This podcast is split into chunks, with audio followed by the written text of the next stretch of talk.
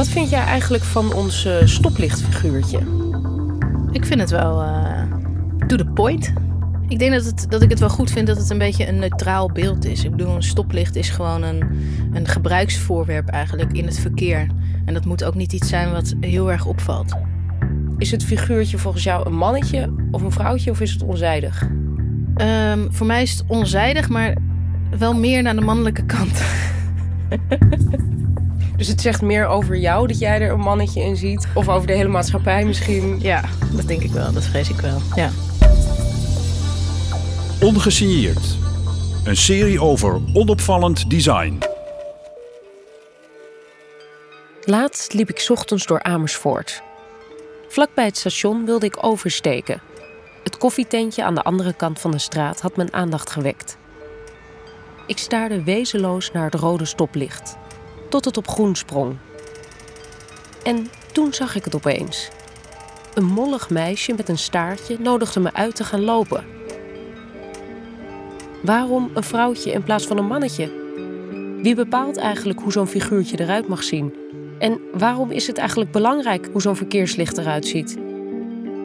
Een verkeerslicht. Verkeerslichten. Het verkeerslicht. Als het verkeerslicht op rood staat, moet je stoppen. Bij groen mag je doorrijden.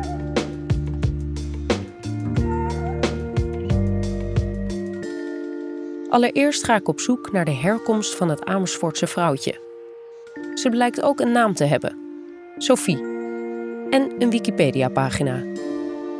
Daar wordt een beetje geheimzinnig gedaan over Sophie. Een actiegroep met de naam Papillon schijnt haar rond 2000 geïntroduceerd te hebben. Maar Papillon is verder nergens te vinden op het web.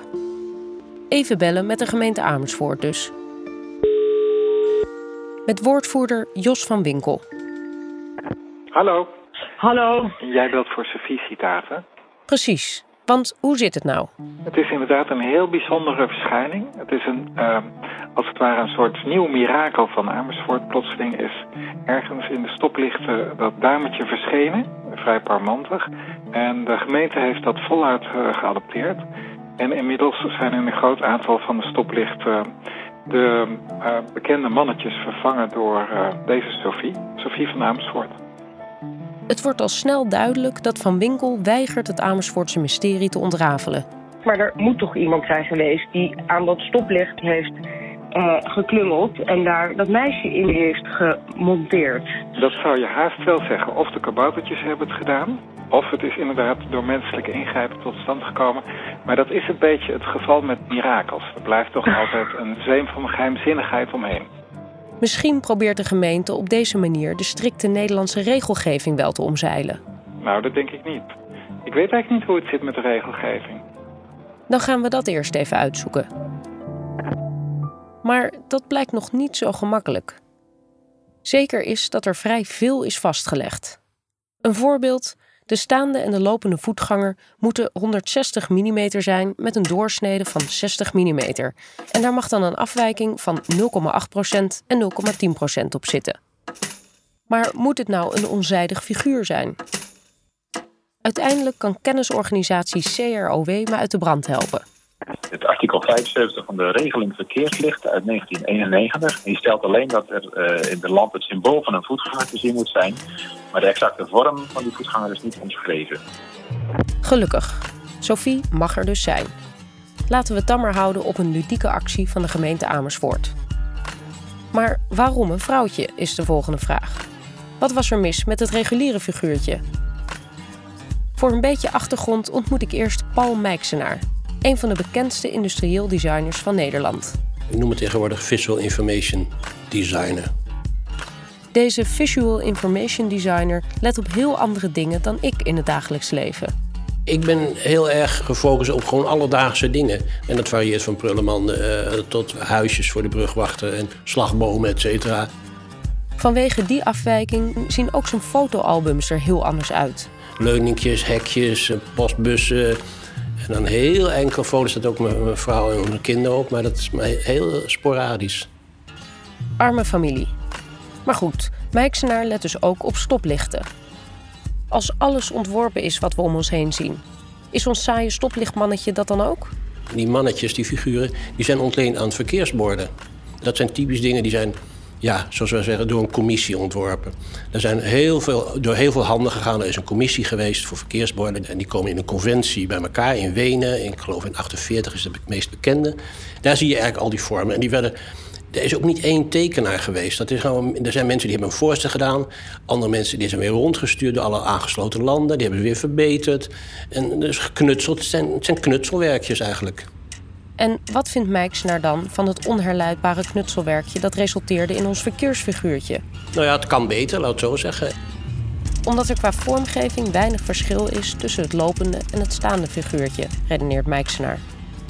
En wat vindt hij dan van het Amersfoortse Sophie-initiatief? Zo'n slagen onzin. Want het symbool moet ons allemaal vertegenwoordigen. En dat doet het huidige ding.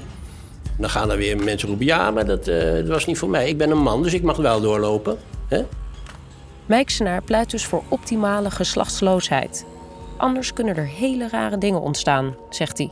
We hadden vroeger een, een, een verkeersbord voor uh, voetgangersplaatsen. Dat was een man met een hoedje op en die een kind voortsleepte. Zo kwam het voortsleurde, leek het wel. Dat was een beetje een pedofiele associatie of zo? Absoluut. En uh, ik heb foto's, dan hangt dat bord in een heel eng steegje in Elburg, geloof ik. Als je die laat zien, begint iedereen te lachen. Omdat die associatie direct is. Dat is een man die een kind een steeg in sleurt. Gelukkig is dat bord inmiddels vervangen. Terug naar Jos van Winkel van de gemeente Amersfoort. Want we weten nog steeds niet waarom ze nou voor een vrouwtje hebben gekozen. Het leuke is van Sophie eigenlijk dat uh, Sophie wel heel erg te maken heeft uh, met uh, centrale waarden in Amersfoort. Dat gaat veel over het ontmoeten, over eigenwijs zijn, ook wel emancipatoire natuurlijk. Uiteraard. En Amersfoort blijkt ook een geslacht te hebben. Het is echt een vrouwelijke stad, ja. Zo heb ik het nooit gezien. Nee, dat opent je ogen. Amersfoort zou nooit bijvoorbeeld zoals Rotterdam uh, een grote race doen door de hele stad met uh, raceauto's. Ik zal maar zeggen, de zachtere waarden van het leven, die komen in Amersfoort meer naar boven dan de waarden die bijvoorbeeld bij Rotterdam passen, zoals stoer en snelheid en zo. En dat heeft natuurlijk weer zijn eigen charme.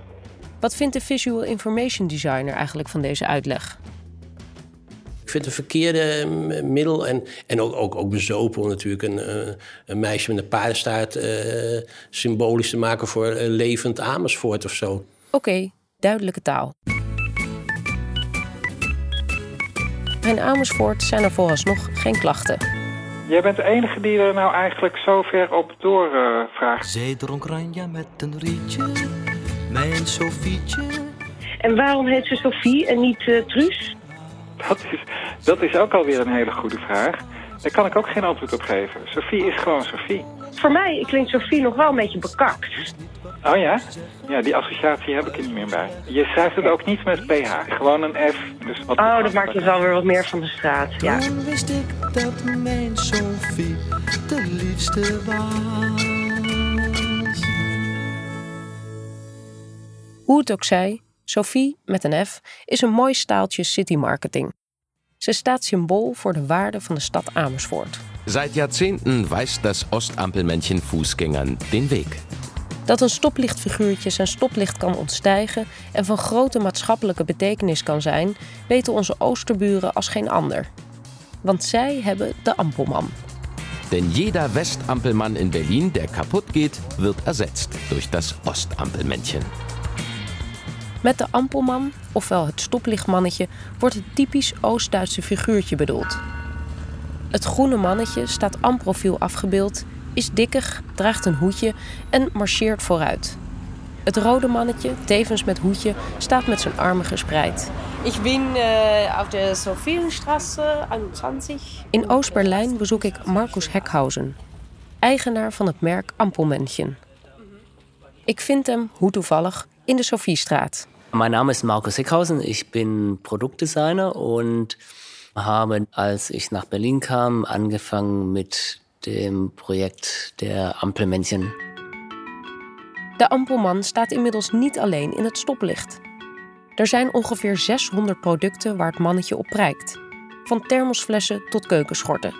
Er zijn Ampelman winkels, maar ook Ampelman restaurants, cafés en er komt binnenkort zelfs een Ampelman hotel.